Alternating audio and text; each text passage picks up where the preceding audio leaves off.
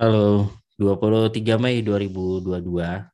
Jadi gua kan eh ya jadi ini mau gue jadiin vlog gitu ya. Karena gua kan di YouTube lagi berusaha untuk ngevlog eh, buat mendokumentasikan kegiatan mingguan gitu. Nah, tapi minggu-minggu ini nggak banyak ya gua nggak banyak keluar dan merekam sesuatu gitu. Jadi kayaknya nggak ada yang secara visual menarik gitu ya. Tapi eh, bisa di eh, gue mau cerita aja gitu gue mau cerita beberapa hal yang menarik yang terjadi mungkin satu minggu dua minggu ke belakang. Eh, yang pertama gue mau cerita soal oh sorry ini akan gue taruh di YouTube abis itu audionya gue taruh jadi episode podcast juga gitu sebagai episode podcast Train of Thoughts. Eh, jadi nggak ada judulnya biar yang emang dengerin podcast beneran pengen dengerin gue aja yang denger dan eh, ya pengen dengerin gitu ya yang pertama gue mau cerita soal kesurupan. Ya. Ini by the way, kalau lo berharap ini ada sesuatu yang bisa diambil hikmahnya bla bla bla gitu enggak ya. Ini episode yang gue pengen cerita aja. Yang pertama soal kesurupan. Jadi eh, ini kayaknya kejadiannya dua minggu yang lalu, mungkin bukan minggu lalu ya. Kayaknya dua minggu yang lalu. Intinya lagi malam, jam 9 malam, tiba-tiba ada yang ngetok pagar rumah gue. Ada tetangga yang tiba-tiba manggil Assalamualaikum, Assalamualaikum gitu. Kayak buru-buru banget gitu kayak ada yang urgent banget gitu. Nah kebetulan gue lagi gue lupa lagi apa tapi kayaknya lagi mau nyantai gitu. Jadi gue agak kesel tuh karena dipanggil-panggil apaan sih malam-malam gitu udah jam 9 lewat. Dan uh, pas gue keluar ternyata ya tetangga di sebelah dan bilang uh, langsung nanyanya gini, uh, Om dulu di pesantren kan ya? Uh, gue aneh banget dong masa tiba-tiba nanya dulu di pesantren kan gitu. Um, ya ternyata ya intinya dulu waktu awal-awal kita pernah ada Ramadan ngumpul-ngumpul gitu-gitu gue pernah cerita ya gue dulu di pesantren dan segala macam. Terus dia nanya Kang dulu di eh Om dulu di pesantren kan ya? Iya emang kenapa? Itu ada yang kesurupan tetangga ada tetangga yang kesurupan. Nah stop stop sampai sini dulu ya. Pertama ya bilang semua anak pesantren bisa ngerukiah atau mengurus orang yang kesurupan itu sama kayak menganggap semua anak IT bisa benerin laptop gitu. Ya harusnya idealnya sih bisa, tapi ya nggak semua gitu. Karena itu kan ilmu spesifik ya gitu. Dalam dalam dalam Islam pun ya ngerukiah ketika ada orang kesurupan ya itu ilmu yang spesifik juga. Nggak sembarang orang maksudnya nggak sembarang orang bisa um, ngerukiah dan mengendalikan gitulah ya. Tapi intinya ini kan kondisi darurat ya. Jadi gue juga oh ya udah deh ya udah bentar bentar om gitu ya gue langsung wudhu gue pakai sarung. Eh gue pakai eh nggak pakai celana panjang pakai baju koko gitu ya. Intinya gue ke sana eh nggak pakai baju koko nih pakai baju rapi lah pakai baju jaket gitu. Terus gue ke sana bawa Quran. Nah sampai di sana intinya yang kesurupan ini cewek yang kesurupan cewek terus lagi wah matanya melotot gitu ya dan segala macam. Terus wah ini udah eh nah keluarganya ada banyak tuh ada mungkin ada tujuh delapan orang gitu. Nah gue datang eh masuk masuk ini ada ada ada pak ustadz nih gitu. Langsung ada pak ustadz. Um, ya gue disuruh masuk terus gue duduk di sofa. Nasi yang kesurupan ini juga gue duduk di sofa. Duduk di sofa habis itu uh, ya gue gue punya pengalaman gitu. Gue punya gue gue punya pengalaman terhadap orang yang kesurupan tapi tidak sebagai orang yang ngerukyah cuma gue lihat lah beberapa kali ustadz ustadz ustadz gue ngerukyah orang. Nanti habis itu gue cerita. Tapi dari pengalaman itu gue tahu oh ya ajak ngobrol aja. Jin itu emang ada dan bisa merasuki manusia gitu ya. Uh, dan bisa diajak ngobrol gitu. Ya udah dia gue ajak ngobrol. Intinya gue nanya um, emang kamu dari mana gitu. Balasannya balasannya adalah jadi gue nanya kamu dari mana? Terus dia melotot sambil naon gitu. Gue langsung kayak aduh. Gue langsung jiper bukan apa-apa gue belum bisa bahasa Sunda. Bahasa Sunda gue belum jago. Gue kalau dengerin orang ngomong Sunda lumayan lah. Gue listening skills gue mungkin kalau diskorin cukup oke okay lah dari 100 80 dapat lah bisa gue kalau konsentrasi gue bisa dapat 80 gitu. Tapi kalau nge-respon belum bisa tapi belum bisa gitu. Jadi gue sambil agak jipernya jipernya dalam hati sambil ini juga uh, aduh ya ada di bahasa Sunda um, jinnya pakai bahasa Sunda nggak bisa dong. Saya tidak bisa. Ya akhirnya dibantu lah sama salah satu. Ada ada juga yang bilang eh tetangga yang gue manggil gue itu dia bilang eh, tetiasa bahasa Sunda ini belum biasa gitu. Belum bisa belum bisa dan belum terbiasa bahasa Sunda gitu. Ya udah akhirnya dibantu diterjemahin lah. Tapi intinya gue nanya aja ya nanya aja biasa kenapa apa kamu dari mana emangnya? Oh dari situ. Dia nunjuk ada di rumah itu ada di bagian belakangnya yang kosong gitu ada tanah kosong gitu ya dia bilang dari situ. Terus gue nanya ehm, kenapa masuk ke sini? Gitu. Terus um, ya ngomongnya agak putus-putus tapi intinya uh, dia bilang ya soalnya pada nggak nggak minta izin sih gitu asal masuk aja gitulah intinya. Um, jadi ceritanya rumah itu tuh tadinya kosong kayak sebulan atau dua bulan kosong um, karena di yang sebelumnya nempatinnya udah selesai terus kayak dikontrakin nah kosong tuh sebulan dua bulan. Habis itu masuklah keluarga ini gitu. Nah tapi intinya setelah masuk tiba-tiba ya gue nggak tahu kronologinya seperti apa tapi kalau kata si yang kata jinnya itu ya intinya uh, mereka nggak bilang-bilang gitu masuknya nggak izin atau apa yang mungkin nggak di ngajiin dulu atau gimana ya tapi intinya dia jadi marah lah gitu ya. Intinya dia jadi marah habis itu hmm, apa ya? Habis itu ya udah uh, ya gue bilang sih ya intinya ya udah keluar dulu aja tuh kan uh, ya minta maaf lah gitu. Ya minta maaf nggak minta izin dulu dan segala macam gitu. Habis itu uh, pingsan lah si yang uh, ceweknya ini pingsan. Habis itu ya udah gue uh, ngaji aja. Gue buka Al-Quran ngaji baca uh, apa ya baca Al-Fatihah habis itu gue baca surat Al-Jin dengan keterbatasan ilmu gue karena pengalaman gue udah lama juga nih soal kesurupan ya uh, tapi intinya ya ada surat al-jin ya salah satunya di di di apa ya surat itu bisa dibaca lah gitu ya ketika kondisi ngerukyah gitu. Ya singkatnya habis itu baca nggak terjadi apa-apa, eh, nggak ada yang gimana, nggak ada yang tiba-tiba ada lemari goyang atau apa gitu nggak ada. Tidak seseru itu. Uh, alhamdulillahnya juga gitu ya. Kalau tiba-tiba kejadian kayak gitu juga jiper juga gue nggak ada pengalaman. Tiba-tiba kejadiannya luar biasa kayak gitu ya ngeri juga gitu. Tapi intinya gue baca Qurannya eh, baca Quran uh, di situ sama di tempat yang ditunjuk sama si jinnya tadi gitu. Ketika dia nyuruh apa ngerasukin si orang itu ya gue baca di situ selesai ya udah habis itu ngobrol-ngobrol. Ya intinya mah uh, coba di ngaji dulu aja nih rumahnya mungkin kan um, ya karena kosong ditempatin sama jinnya juga. Ya bahkan sebenarnya kalau kita kita pun di ya namanya jin itu kan sebenarnya memang ada gitu ini kalau dalam agama Islam ya. Uh, jin itu memang ada dan mungkin mereka hidup juga di tempat yang sama gitu. Tapi karena kita beda alam beda frekuensi jadi nggak bisa lihat gitu ya. Hmm, ya intinya sih kita saling ini aja lah uh, ya kulonwun mungkin di ngaji-ngajiin dulu untuk kasih tahu bahwa ada orang di sini dan segala macam. Ya gitulah gue ngobrol-ngobrol ya habis itu gue pamit. Gitu sih ya itu random experience aja yang tiba-tiba ada gitu ya gue uh, ada orang kesurupan dan gue diminta untuk ngerukyah gitu padahal nggak bisa. Uh, gue inget dulu soalnya di pesantren beberapa kali tuh kejadian ada orang uh, ada ada ada apa ya warga pesantren yang kesurupan gitu uh, ada temen gue yang um, jadi adik kelas adik kelas yang dia itu tiap azan, wah tiba-tiba teriak-teriak gitu tiap, tiap azan teriak-teriak. Atau misalnya pas lagi sholat, terutama sholat yang jahar gitu ya, yang sholat maghrib isya uh, subuh yang uh, jahar apa bacaannya di dibacakan dengan keras gitu dengan suara keras, itu kepanasan gitu kalau pas lagi sholat dia sholat gue pernah tuh dia sholat di depan gue persis wah geter-geter badan itu oh oh gitu teriak-teriak.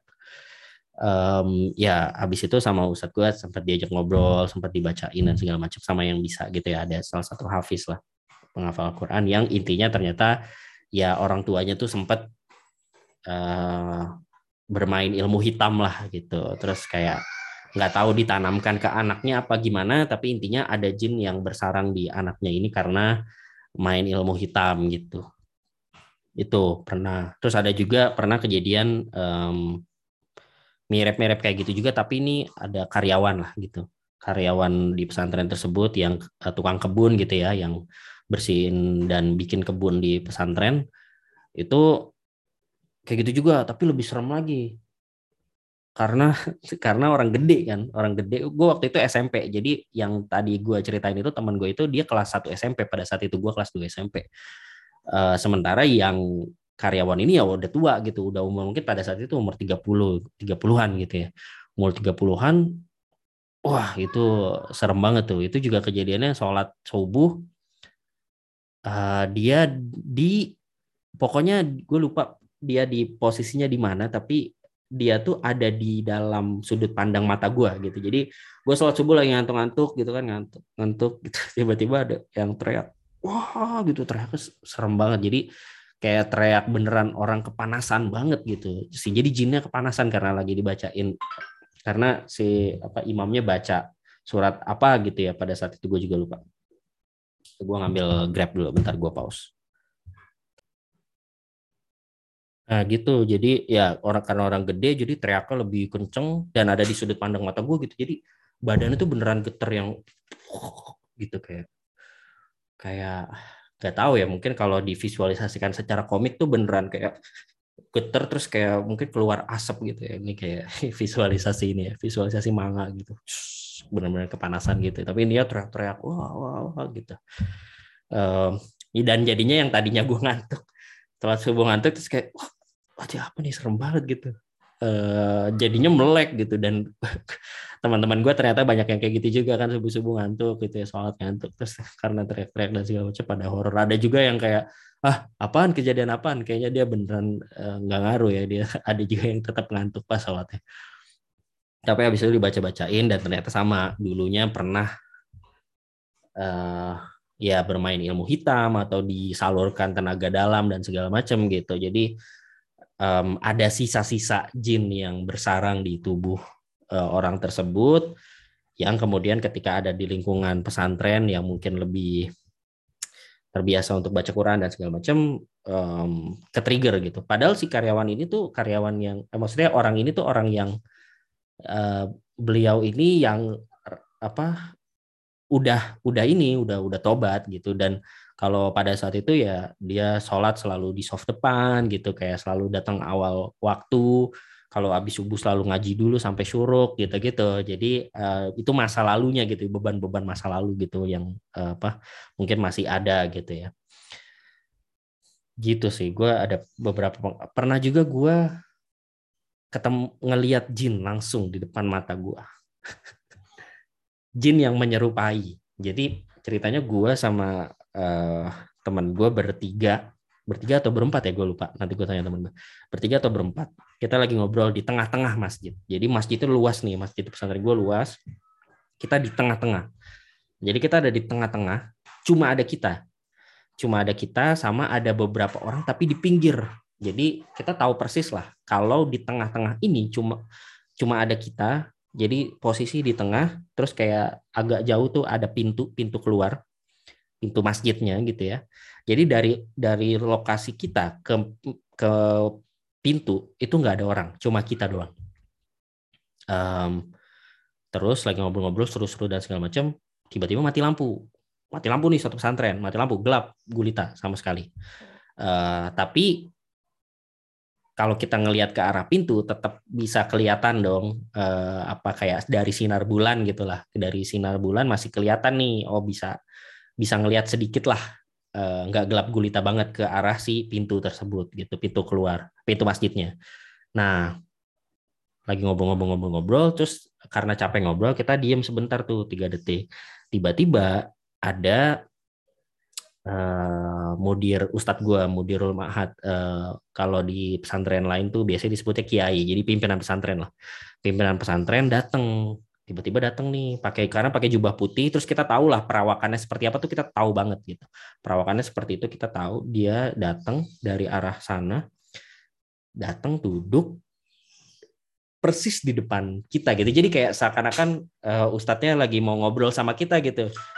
Jadi kita karena habis ketawa-ketawa ngobrol ah, terus tiba-tiba diam karena capek eh tiba-tiba ustadznya datang duduk. Nah kan kiai duduk di depan lu deg-degan dong um, apa nih? Kenapa nih? Gitu kan. Maksudnya kalau ngobrol biasa aja ya kita deg-degan banget gitu namanya kiai kan. Kayak ya kayak kayak Harry Potter didatengin Dumbledore lah gitu. Lo bayangin aja kayak gitu kan. Maksudnya berkarisma sekali gitu. Ini tuh um, apa orang nomor satu lah di pemimpin di pesantren gitu. Nah tapi beliau duduk terus diem aja gitu. Jadi mukanya nggak kelihatan kan karena gelap. Gue juga nggak bisa lihat muka teman gue teman gue juga mungkin nggak bisa lihat muka gue tapi karena kita tahu perawakannya, bajunya pakai jubah putih, kita tahu persis ini Ustadz As uh, ini Ustadz Aslam gitu namanya Ustadz Aslam. Ini mudir gitu. Um, terus diem lama tuh kayak semenit ada kayaknya. Diem lama gitu. Dan karena karena karena kiai gitu kan karena pimpinan pesantren kita juga nggak ngajak ngobrol nggak yang set gimana kabar? gitu. Kayak set kenapa saat mau ngapain? Saat nggak juga gitu nggak berani lah Uh, karena kita pikir dia duduk mau ngajakin ngobrol. Lama ada satu menit dan segala macam tiba-tiba eh nggak ngomong apa-apa udah agak lama mungkin satu menit dua menit berdiri dia berdiri cabut ke arah pintu yang kita bisa lihat. Habis ke arah pintu dia belok. Jadi kita ngelihat ke arah pintu nih. Nah kita cuma pandangan kita tuh cuma sepintu itu. Nah beliau keluar pintu belok kiri tiba-tiba lampu nyala tiba-tiba lampu nyala. Persis abis dia belok kiri udah nggak kelihatan dari muka kita. Tiba-tiba lampu nyala. Lampu nyala terus gue langsung ngelihat ke teman gue teman gue juga langsung ngeliat eh lu ngelihat nggak tadi barusan? Iya barusan. Mudir kan? Iya. Mudir. Abis itu gue langsung refleks gue langsung lari keluar pintu. Lari ke arah pintu terus gue langsung nengok. Jadi jedaknya tuh cuma lima detik. Kalau ada orang yang nggak mungkin tapi pas gue keluar gua nengok nggak ada orang sama sekali. Kosong. Song song song. Kosong sekosong kosongnya tidak ada jejak orang sama sekali dan nggak mungkin itu pokoknya jedanya dari pas dia keluar belok lampu nyala sampai gua kejar itu bedanya pokoknya nggak kalau ada orang pasti kelihatan di situ gitu dan ternyata nggak ada gitu. dan ternyata habis itu kita kulik-kulik kita habis itu wah kita ini kan panik dan segala macam terus kita nanya ke ya pokoknya intinya setelah kejadian itu kita tanya pas di jam itu uh, mudir lagi di mana? Mudir lagi nggak ada di pesantren. Jadi jadi fix itu adalah uh, jin. Dan tujuan apa? Saya kurang paham. Gue pernah juga sholat uh, eh, gue sholat tahajud. Jadi ceritanya jam 3 pagi gue lupa jam 2 atau jam 3 pagi gue ke masjid ini pada saat itu di pesantren gue gue pesantren gue tuh gue angkatan pertama. Jadi lo bayangin nih ada ada pesantren luasnya 7 hektar ada gedung-gedungnya ada banyak karena dulunya sempat dipakai untuk untuk uh, pesantren juga tapi terus sempat vakum terus kayak baru ada kita. Jadi 7 hektar ini cuma diisi sama uh, ya mungkin 200 orang pun nggak nyampe gitu. Uh, jadi luas banget lah gitu. Nah pada saat itu gue sholat tahajud tuh. Wih, semangat kan? Semangat nih, ceritanya masih semangat belajar agama ya kan. Habis belajar wah sholat tahajud dan segala macam. Jam 3 gue bangun. Jam 3 atau jam 2 gue lupa. Uh, pokoknya gue ke masjid. Masjidnya juga gede. Gak ada orang sama sekali. Gue sholat di lantai atas. Nah di lantai atas itu ada tangga. Terus ada pojokan yang intinya uh, kalau gue sholat di situ di belakang nggak mungkin ada orang gitulah. Gampangnya gitu ya karena belakangnya langsung tembok atau apa belakangnya langsung pem, pem, pembatas gitu. Nah gue sholat khusyuk banget ya wah mantep nih ya kan. Subuh subuh sepi dingin enak nih buat sholat bermunajat gitu kan. Sholat wih langsung aja kan pakai pakai nada-nada nada-nada yang baru dipelajari gitu. Alhamdulillahirobbilalamin gitu gitu kan. Sampai ke uh, siratal ladina namta alaihim ghairil maghdubi alaihim waladdallin. Amin. Tiba-tiba ada yang amin di samping. Di samping gua Eh, di belakang gitu ya, agak ke belakang tapi di samping sini jelas banget suaranya. Berat suaranya berat. Wah, habis itu tiba-tiba gue nge-freeze. Ya, ya, ya. Eh, mic-nya nggak nyambung nih. Bentar, bentar.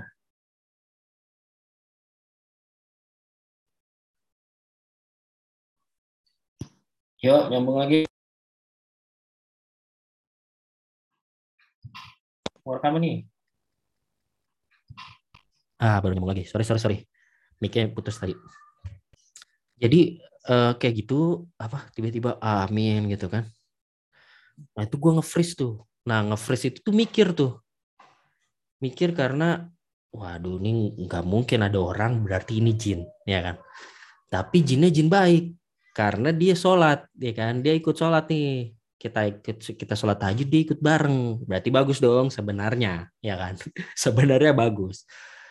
Um, tapi yang ketiga ya ya jin gitu. Jadi mau lanjut takut nggak lanjut juga kenapa takut ya gitu? Maksudnya harusnya sih nggak takut karena kan kita lagi ibadah bareng nih gitu ibaratnya gue mikirnya pada saat itu gitu makanya nge-freeze tuh nge-freeze sambil wah udah jantung deg-degan banget ya kan.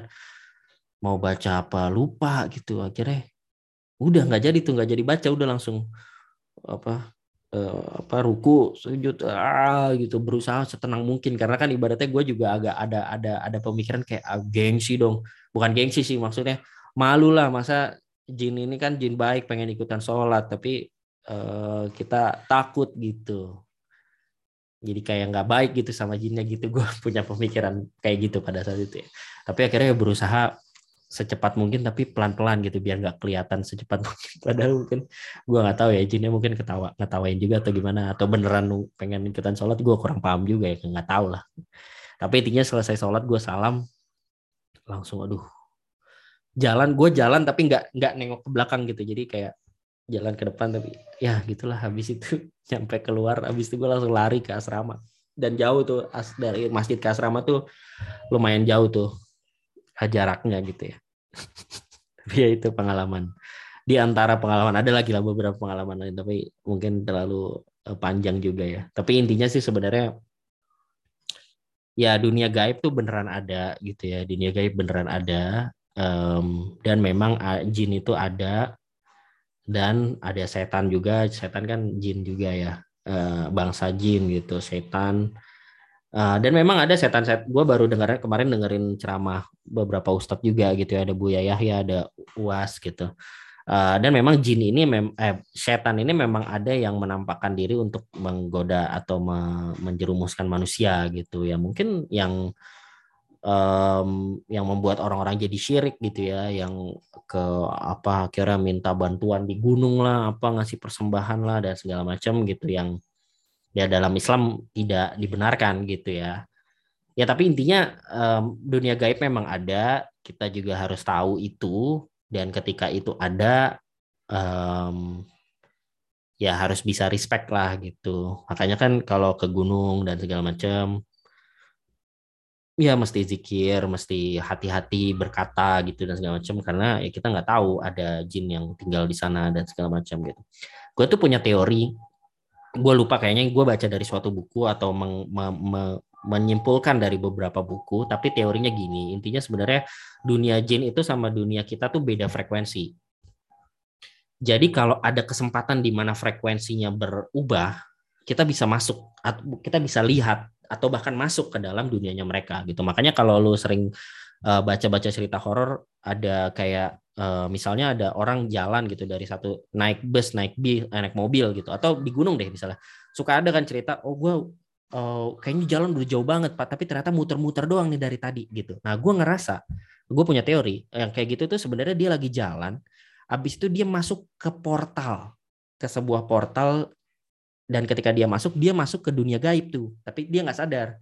Jadi udah beda udah beda dunia beda frekuensi. Di dunia gaib itu mungkin dia jalan jauh muter jauh ke mana dan segala macam. Pas muter lagi dia masuk ke portal lagi dan keluar di dunia nyata gitu. Jadi dia mungkin melakukan udah putaran berapa kali yang jauh karena dia masuk ke dunia yang lain. Terus kalau masuk lagi ke dunia gaib. Tapi seakan-akan kalau di dunia nyata dia cuma berputar di situ doang gitu atau jaraknya segitu doang Nah, gue sih punya teori kayak gitu ya. Uh, yang mungkin nanti kita bahas lebih lanjut lah ini udah panjang ya, udah panjang dan gue mesti ada ini lagi, ada uh, meeting. Tapi intinya ya itu terus itu yang terjadi dalam dua minggu terakhir ini terus um, ya kodarola anak gue juga lagi sakit lagi di rumah sakit abis ini pun abis kerja gue akan ke rumah sakit lagi jagain anak gue minta doanya kalau teman-teman dengerin ini um, ya mudah-mudahan bisa cepat sembuh gitu uh, dan um, salah satu apa namanya perjalanan menjadi dewasa adalah uh, menghadap kasir rawat inap rumah sakit Nah, kalau lo belum pernah menghadap uh, dan mudah-mudahan sih jangan ya, nggak perlu gitu. Kalau nggak perlu ya nggak perlu. Tapi ya ketika kalian nanti mungkin berkesempatan atau ditakdirkan menghadap kasir rawat inap rumah sakit, wadididau, kalian akan tahu bahwa dunia ini memang uh, apa takut dewasa, takut aku kecewa. Ya gitulah enggak sih. Ya gitu teman-teman ya minta doanya. Um, gitu aja kayaknya. Um, pengen ngomong lagi sih tapi hmm, nanti lagi ya gitu aja ya jadi episode-episode yang kayak gini gue pengen pengen lagi sih nanti kalau episode-episode yang gue buat cerita-cerita nggak penting ya ya nanti akan masuk ke segmen yang namanya trend of thoughts itu teman-teman ya uh, gitu aja uh, thank you ya kalau misalnya menarik menurut lu seru di share aja mention ke gue ya. Thank you, thank you. Uh, please be subjective.